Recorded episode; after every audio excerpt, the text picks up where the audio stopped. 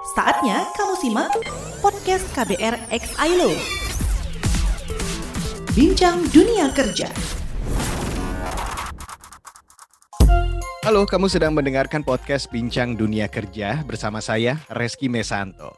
Di episode kali ini kita akan ngobrol seputar isu kekerasan dan pelecehan berbasis gender dilihat dari sisi K3.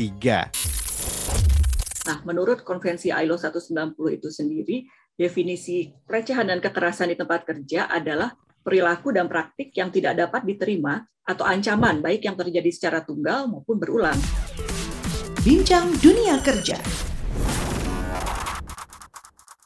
Kekerasan dan pelecehan dalam dunia kerja masih banyak dialami oleh pekerja di Indonesia di berbagai bidang pekerjaan. Dan hal ini dialami baik oleh pekerja perempuan maupun laki-laki, termasuk pekerja magang. Mereka yang jadi korban kekerasan di tempat kerja bisa mengalami trauma dan kalaupun masih bekerja, kondisinya jadi tidak nyaman, pikirannya tidak sehat dan produktif. Sejak 2019 sudah ada Konvensi Internasional ILO nomor 190 tentang penghapusan kekerasan dan pelecehan di dunia kerja. Tapi di Indonesia secara khusus isu ini belum ada pedoman atau peraturannya di dunia kerja. Lalu bagaimana upaya untuk melindungi pekerja dari kekerasan di tempat kerja dan bagaimana K3 dapat menjadi langkah mengatasi kekerasan berbasis gender. Dan di episode kali ini sudah hadir dua narasumber saya yang luar biasa. Yang pertama ada Mbak Reti Sudarto. Mbak Reti ini adalah National Officer ILO, program penghapusan kekerasan di tempat kerja. Halo Mbak Reti, apa kabar? Halo Mas Reski, terima kasih, kabar baik. Kemudian ada juga Mbak Emma Lilieva. Mbak Emma ini adalah Ketua Komisi Kesetaraan KSBSI atau Konfederasi Serikat Buruh Seluruh Indonesia. Halo Mbak Emma. Halo Mas. Oke baiklah di episode kali ini seperti yang saya bilang tadi kita akan membahas tentang kekerasan dan pelecehan berbasis gender. Kalau gitu langsung aja pertanyaan pertama buat Mbak Reti. Jadi kan sering kali ini kita ketika membicarakan kekerasan berbasis gender di tempat kerja, definisinya tuh dipersempit menjadi pelecehan fisik sebenarnya nih Mbak, sebenarnya mungkin Mbak Reti boleh jelasin ke teman-teman. Apa saja sih yang termasuk atau jenis-jenis kekerasan di tempat kerja? Karena kan seringnya orang sebetulnya kekerasan tapi dianggap ah enggak ah lebay doang. Tapi sebetulnya kekerasan. Boleh nggak Mbak Reti jelasin ke teman-teman? Iya Mas Reski, makasih. Memang kekerasannya yang terjadi sebenarnya bukan hanya fisik saja, jadi ada kekerasan dan ada pelecehan dan sering dianggap fisik. Tapi dari dampaknya ada juga yang termasuk kekerasan fisik, lalu kekerasan dan pelecehan secara psikis atau psikologi termasuk kekerasan verbal, dan juga kekerasan dan pelecehan seksual. Kalau dari caranya ada kekerasan yang berbasis online atau disebut KBGO, misalnya kekerasan berbasis gender online. Nah, menurut Konvensi ILO 190 itu sendiri, definisi pelecehan dan kekerasan di tempat kerja adalah perilaku dan praktik yang tidak dapat diterima atau ancaman baik yang terjadi secara tunggal maupun berulang mengakibatkan atau kemungkinan akan mengakibatkan kerugian fisik, psikologis, seksual atau ekonomi serta mencakup kekerasan dan pelecehan berbasis gender. Jadi meliputi itu semuanya. Jadi tidak ada tuh hanya eh, lebay atau baper tapi bisa mencakup juga semua itu kekerasan dan pelecehan di dunia kerja. Oke, Mbak Reti tadi yang sudah dijelaskan kan berarti bisa dibilang ya, nggak ada lebay. Ya, orang-orang yang bilang lebay itu sebetulnya nggak ngerti bahwa sebetulnya itu kekerasan. Tapi secara umum nih, bagaimana sih sebetulnya gambaran situasi kekerasan di dunia kerja di Indonesia menurut Mbak Reti dan kenapa hal itu terus terjadi dan terus berulang di Indonesia ini? Ya, sebenarnya saat ini sih sudah sangat serius ya di Indonesia maupun juga di dunia global. Cuma kalau secara data memang agak sulit atau belum ada khusus tentang bagaimana kasus di dunia kerja. Dan sejak walaupun serius, tanggapannya ini masih beragam dari berbagai pihak. Bisa ada yang sudah serius atau tidak. Bisa karena tidak tahu atau dianggap itu urusan pribadi antara pelaku dan korban atau rekan-rekan atau bukan urusan prioritas ketenaga kerjaan. Ini bisa disebabkan karena masih banyak juga yang tidak mau cerita atau melaporkan jika mengalaminya, terutama untuk kekerasan dan pelecehan seksual. Mengenai faktor penyebabnya ada beberapa. Pertama itu uh, tidak tahu atau tidak paham kurangnya pelatihan, kesadaran awareness raising mereka bahwa itu yang dilakukan itu atau yang mereka saksikan adalah termasuk kekerasan dan pelecehan. Lalu yang kedua ada dari sisi K3 bisa jadi dari faktor lingkungan kerja yang lingkungan kerja fisik yang tidak aman. Misalnya dari pemeliharaan alat fasilitas yang buruk atau tidak memadai, pengaturan meja kursi kerja lorong yang sempit, area gelap, ventilasi udara, atau juga fasilitas pembayaran yang biasanya juga berisiko itu kurang memadai. Lalu juga bisa ada faktor yang terkait K3 juga, keselamatan dan kesehatan kerja, terdiri dari faktor bahaya psikososial atau stres kerja, occupational stress, yang bisa berkontribusi terhadap kerentanan dan banyaknya kejadian kekerasan dan pelecehan di tempat kerja. Contohnya, saya sebutkan tiga saja, misalnya eh, faktor tuntutan pekerjaan. Contohnya penugasan yang tidak sesuai dengan keterampilan atau pekerjaan eh, yang memerlukan pengawasan. Itu bisa menyebabkan rentan karena pelakunya merasa stres atau yang di para korbannya menjadi rentan terhadap perlakuan pengawasan yang tidak sesuai. Lalu yang kedua, misalnya hubungan di tempat kerja yang penuh kritik, kurangnya dukungan, dan kurangnya komunikasi, serta juga faktor gaya kepemimpinan yang autokratik, kaku, atau satu arah yang mengabaikan kepentingan pekerja, atau juga faktor gaya kepemimpinan yang malah tidak ada arahan, jadi terserah saja gitu, membebaskan kepada staf-staf atau tidak ada divisi pembagian tugas yang jelas. Ini bisa menyebabkan uh, terjadinya tadi kerentanan terhadap kasus kekerasan dan pelecehan di dunia kerja. Oke Mbak Reti, thank you. Tapi saya sekarang mau ke Mbak Emma dulu nih sebagai perwakilan dari Serikat Pekerja. Mbak Emma boleh nggak ceritain apa saja sih yang sudah dilakukan atau upaya yang sudah dilakukan oleh KSBSI untuk menerapkan K3 ini dan tentu saja mengatasi kekerasan dan pelecehan di dunia kerja berbasis gender uh, spesifiknya mungkin ya. Silakan Mbak Emma. Pengaturan pencegahan kekerasan dan uh, pelecehan di tempat kerja itu tidak jelas di dalam Undang-Undang Ketenaga Kerjaan. Namun, Undang-Undang Ketenaga Kerjaan mengamanatkan pembuatan perjanjian kerja bersama. Normatifnya, kami membicarakan perlindungan pencegahan kekerasan dalam perjanjian kerja bersama. Jadi ada pasal yang mengatur tentang uh, bagaimana cara-cara pengaturan pencegahan dan bagaimana ketika permasalahan sudah terjadi maka ada jalur untuk penyelesaian masalah kekerasan dan pelecehan itu normatif.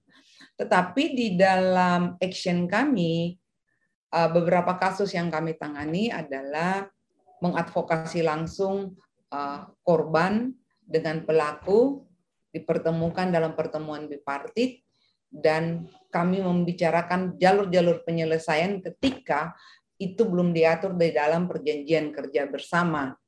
Dalam kaitannya dengan eh, kesehatan dan keselamatan kerja, tentunya bahwa ketika seseorang mengalami pelecehan dan kekerasan, maka keselamatan jiwanya juga ikut terancam dan kesehatan mentalnya dan kesehatan jiwanya juga ikut terancam karena itu akan membuat trauma dan pikiran dan rasa takut ketika dia berada di situasi yang sama untuk waktu yang sama menjalani pekerjaan tapi terus dibayang-bayang dengan perlakuan yang dia terima.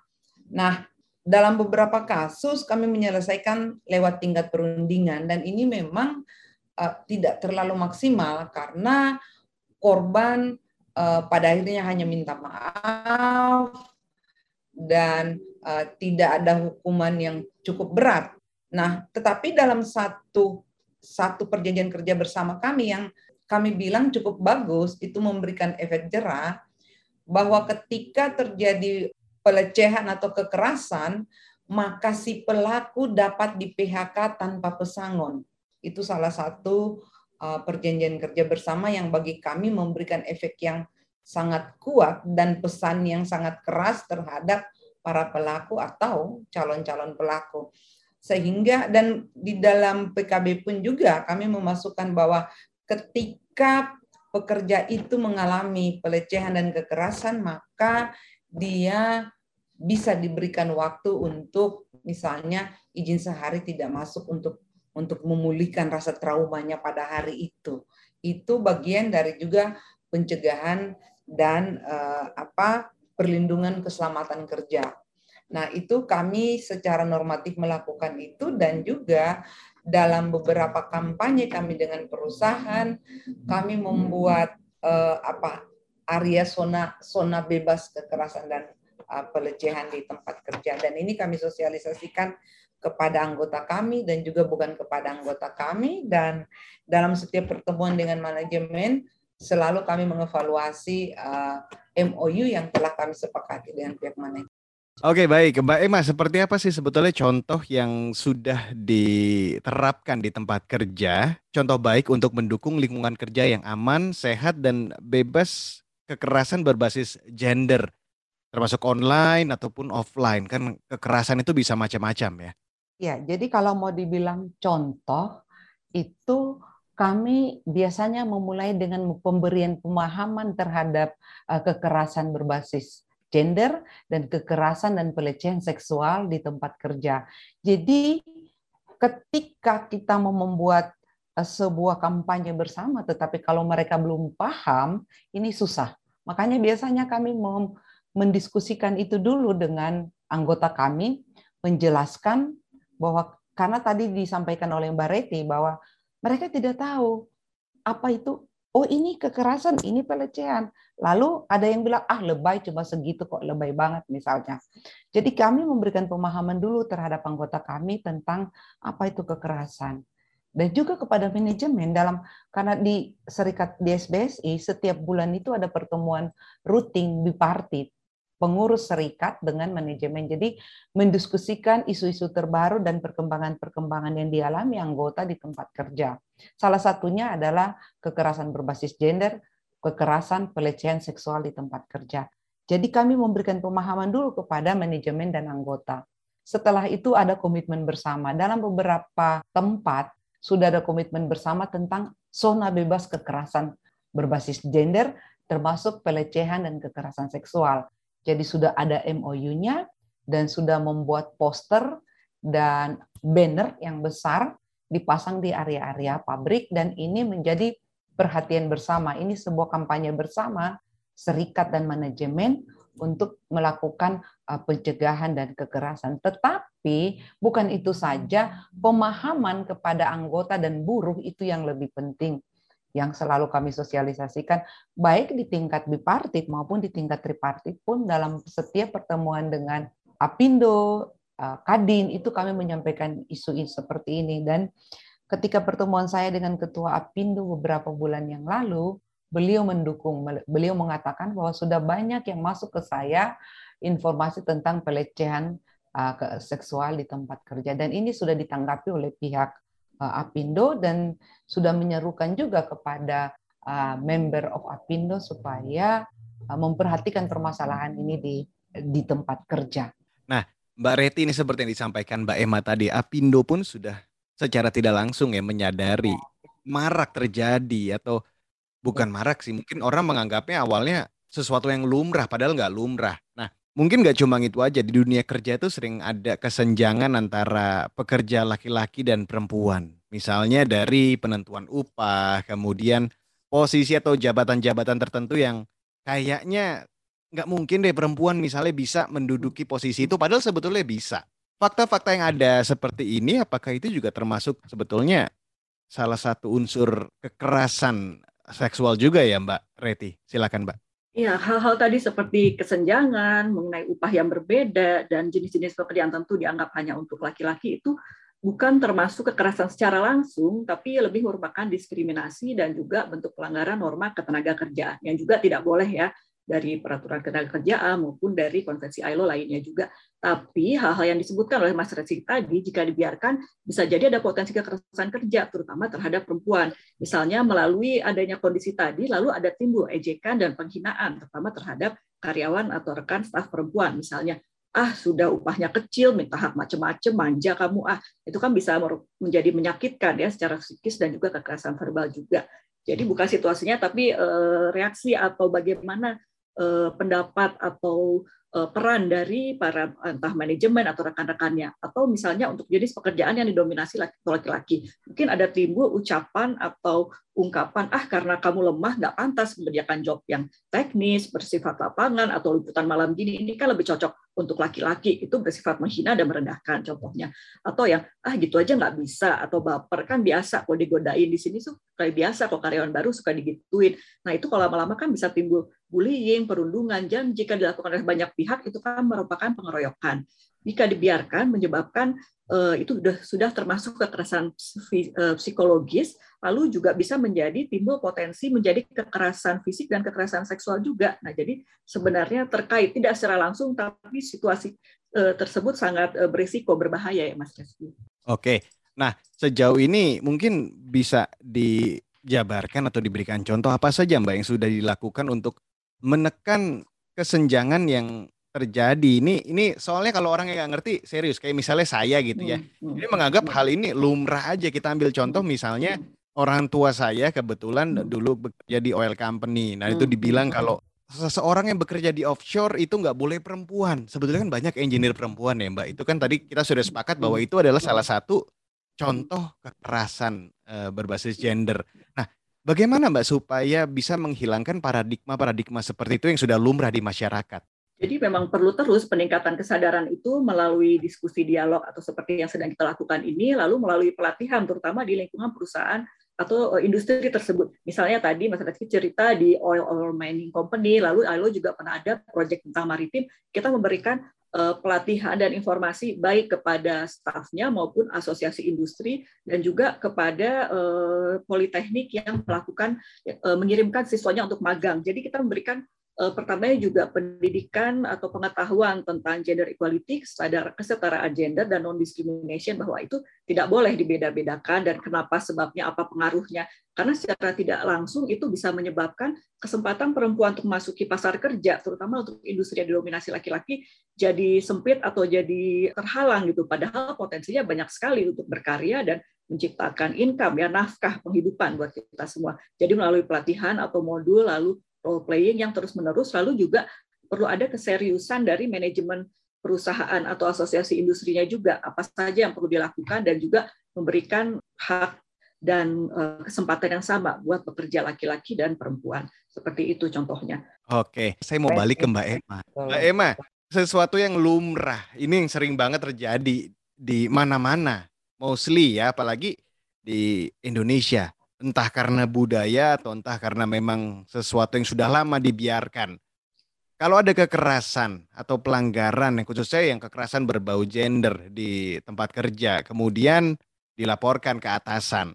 Yang seperti saya bilang tadi, karena seringnya dianggap lumrah, itu sukanya dibiarin aja lah, cuman diterima aja tanpa ada action. Kalau terjadi hal seperti itu nih Mbak Emma, apa yang harus kita lakukan? Iya, jadi kalau serikat buruh kan identik dengan demo, jadi biasanya spontan demo yuk misalnya gitu. Tetapi yang uh, kami lakukan, saya kalau keluar sedikit dari jalur pertanyaannya bahwa pola penyadaran di SBC tentang gender adalah melakukan training tadi yang dilakukan yang disampaikan Mbak Reti. Sedikit saya jelaskan bahwa kami memiliki program training dalam setiap tahun training ke daerah, ke DKI, ke provinsi, ke kabupaten, ke kantong-kantong anggota kami, bagaimana menyadarkan mereka tentang kesadaran gender. Jadi dalam kami selalu mengatakan bahwa training gender membangun kesadaran gender tidak bukan berarti merubah budaya kita atau budaya suatu bangsa.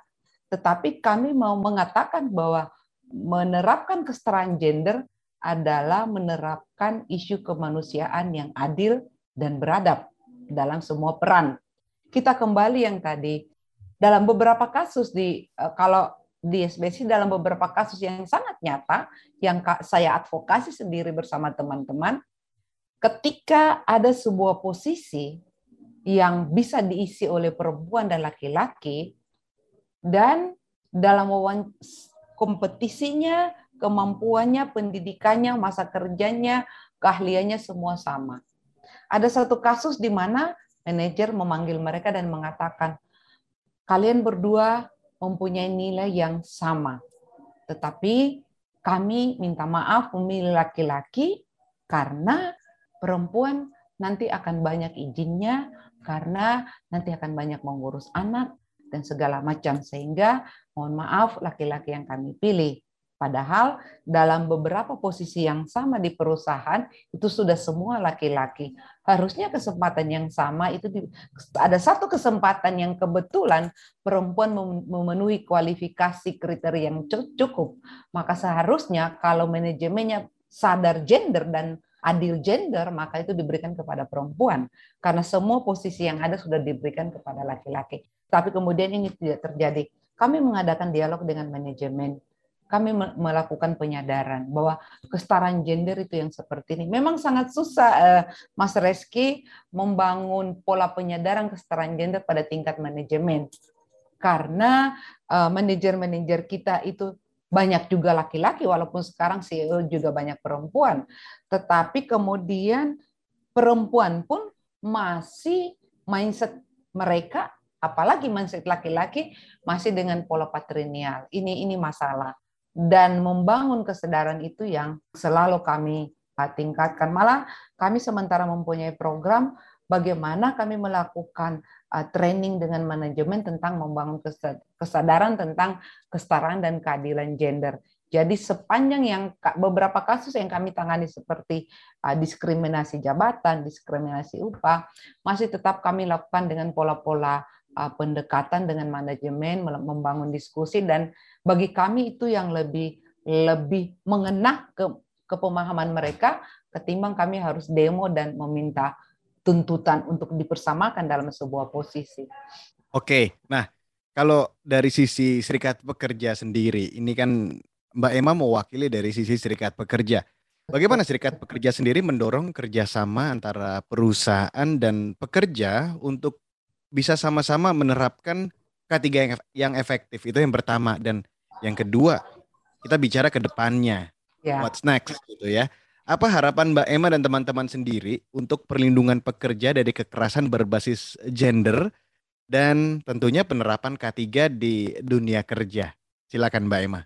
Ya, penerapan K3 di dunia kerja sudah kami lakukan di dalam perjanjian kerja bersama. Itu selalu kami dalam poin perjanjian kerja bersama selalu ada penerapan K3 dan selalu ada perlindungan terhadap hak-hak perempuan. Di dalamnya adalah perlindungan tentang uh, perlindungan dari isu kekerasan dan uh, pelecehan. Memang dalam beberapa PKB belum terlalu merinci tentang uh, kekerasan secara umum dan uh, secara khusus adalah kekerasan seksual dan kemudian belum terlalu merinci juga tentang kekerasan berbasis gender karena kedua hal ini uh, mempunyai sisi yang kita bilang beda-beda tipis. Tetapi uh, kekerasan berbasis gender lebih ditujukan kepada kekerasan dalam hal diskriminasi, seperti yang tadi saya sebutkan pertama. Nah, uh, K3 sebenarnya bagian yang tidak terlepas dalam isu-isu perlindungan hak-hak perempuan dan isu-isu perlindungan kesetaraan berbasis gender di tempat kerja. Nah, selain di dalam Eh, PKB yang kami uh, apa memuat pasal-pasalnya tentang perlindungan K3, isu persalinan, isu perlindungan cuti upah, eh, cuti hamil, cuti haid, cuti melahirkan, kemudian cuti keguguran, juga masalah perlindungan K3 yang sementara kami bicarakan dengan manajemen adalah kami sedikit mencuri eh, apa isi dari Konvensi 190 adalah bahwa perlindungan ketiga bagi eh, rekan-rekan yang mengalami uh, domestic violence, eh, kekerasan dalam rumah tangga yang kemungkinan akan berlanjut di tempat kerja, maka perusahaan memberikan izin. Nah, uh, ini sementara kami gulirkan dan ada dua atau tiga perusahaan garment yang sudah mengadopsi ini. Oke, baik. Terima kasih Mbak Emma. Kita kembali lagi ke Mbak Reti. Ini kalau kita kembali berbicara dengan hubungannya antara kekerasan berbasis gender dan K3 khususnya ya. Bagaimana sebetulnya Mbak Reti K3 ini bisa menjadi langkah untuk menghindari terjadinya kekerasan berbasis gender di tempat kerja? Ya, K3 ini penting apabila kita juga perlu memperkenalkan isu kekerasan dan pelecehan ini di dalam manajemen K3 serta dalam penilaian resikonya. Misalnya menurut ILO rekomendasinya penilaian risiko di K3 itu harus memberikan eh, concern atau perhatian khusus kepada misalnya kondisi dan pengaturan kerja, keterlibatan pihak ketiga, diskriminasi penyalahgunaan hubungan kekuasaan dan gender, serta norma budaya dan sosial. Nah, terkait pihak ketiga tadi kan kalau kekerasan dan pelecehan bisa terjadi secara pertama eh, horizontal antara rekan kerja atau yang sepantaran ya, sepantaran sesama divisi atau beda divisi tapi sesama levelnya atau hori uh, atau vertikal yang umumnya terjadi uh, karena ada faktor kekuasaan dari atasan ke bawahan, bawahan ke atasan juga ada tapi jarang sekali dan apabila terjadi biasanya terhadap atasan perempuan. Yang ketiga ini adalah keterlibatan pihak ketiga yang tadi perlu diperhatikan dalam manajemen K3. Misalnya pelakunya itu bisa jadi bukan dari lingkungan kantor atau perusahaan tersebut, tapi dari klien, investor, customer atau pelanggan, narasumber, pasien dan lain-lain. Sehingga kalau diatur di dalam manajemen K3 dan penilaian risiko bisa merupakan upaya untuk mencegahnya. Selain itu pelatihan dan informasi K3 di uh, industri atau di perusahaan dan bisnis harus juga memberitahukan tentang bahaya serta risiko kekerasan dan pelecehan, apa yang perlu dilakukan serta hak dan tanggung jawab pekerja dan orang lain yang terkait. Jadi uh, itu penting sekali. Terima kasih. Mbak Reti, sekarang ini kan sudah ada instrumen internasional konvensi ILO nomor 190 tentang penghapusan kekerasan dan pelecehan di dunia kerja. Kita berangkat dari hal ini ya. Apa saran Mbak Reti agar kekerasan berbasis gender ini tidak terus-menerus dibiarkan atau dianggap lumrah lah? Kan seringnya hmm. seperti saya bilang dianggap lumrah gitu aja. Hmm. Apa yang bisa kita lakukan Mbak mungkin? Iya, singkatnya ada tiga hal. Yang pertama, pencegahan dan perlindungan. Yang kedua, penegakan hukum dan pemulihan. Yang ketiga, panduan dan pelatihan. Apa yang dimaksud dengan pencegahan dan perlindungan tadi, yaitu misalnya eh, menerapkan kebijakan di tempat kerja, lalu menyatakan pernyataan tidak mentoleransi adanya kekerasan dan pelecehan, serta menetapkan program pencegahan. Ini dari bisnis dan perusahaan ya. Lalu kalau penegakan hukum dan pemulihan, perlu adanya upaya baik di lingkup perusahaan maupun juga dari upaya pemerintah adanya eh, mekanisme pelaporan dan penyelesaian perselisihan, perselisihan yang aman, adil, dan efektif. Juga perlu ada prosedur pengaduan dan investigasi di tempat kerja, lalu apabila ada kasus harus ke mana itu pemerintah juga perlu mendukung juga.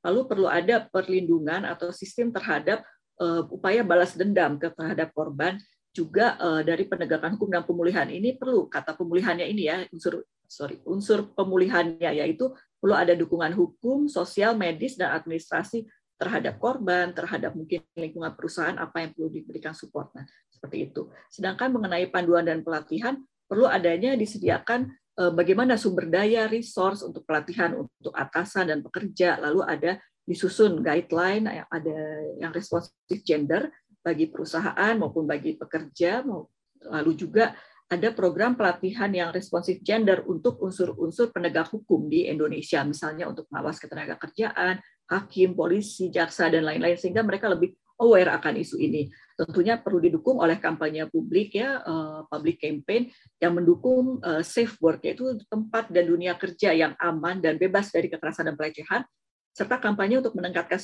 kesadaran publik yang menyampaikan bahwa kekerasan dan pelecehan itu tidak dapat diterima sama sekali, juga mengatasi sikap diskriminatif dan mencegah munculnya stigma terhadap korban. Dan akhirnya penting juga untuk meratifikasi Konvensi ILO 190 ini karena detailnya bagaimana pencegahan dan penanganannya ada di sana. Juga eh, yang perlu saya tambahkan adalah perlu adanya eh, tentang isu kekerasan berbasis eh, gender online atau kekerasan berbasis online perlu adanya data, pelatihan, dan kesadaran bahwa online harassment is serious thing, and cyberbullying juga bisa berbahaya karena bisa menyebabkan ketidaknyamanan di dunia kerja, eh, tekanan kepada korban, dan hal-hal yang perlu terus diperhatikan oleh perusahaan, oleh bisnis, maupun dari pengawasannya juga seperti itu. Terima kasih. Oke, Mbak Ret, ini benar banget, penting banget yang namanya pengawasan. Cyberbullying sama online harassment ini kayak lebih fatal ya dibanding apa yang dilakukan secara offline karena bikin mental tuh kayak ketekan terus gitu kan. Oke, terima kasih narasumber saya yang luar biasa. Di episode kali ini ada Mbak Reti Sudarto, National Officer ILO, Program Penghapusan Kekerasan dan Pelecehan di Dunia Kerja. Kemudian ada juga Mbak Emma Lilieva, Ketua Komisi Kesetaraan KSBSI atau Konfederasi Serikat Buruh Seluruh Indonesia. Oke sobat muda sampai di sini dulu podcast Bincang Dunia Kerja episode kali ini. Terima kasih sudah mendownload dan mendengarkan podcast ini. Kamu juga bisa mendapatkan informasi menarik lainnya dari International Labour Organization atau ILO dengan follow Twitter dan Facebook Indonesia ILO. dan kamu juga bisa kunjungi website ilocovidproject.id untuk ikut serta dalam memperkuat tindakan pencegahan COVID-19, keselamatan dan kesehatan kerja di dan melalui tempat kerja. Tentu saja kamu juga bisa mengikuti podcast yang cocok untuk curious mind kamu di kbrprime.id atau platform mendengarkan podcast lainnya. Saya Reski Mesanto undur diri dari Bincang Dunia Kerja episode kali ini. Salam. Podcast KBR X ILO, Bincang Dunia Kerja.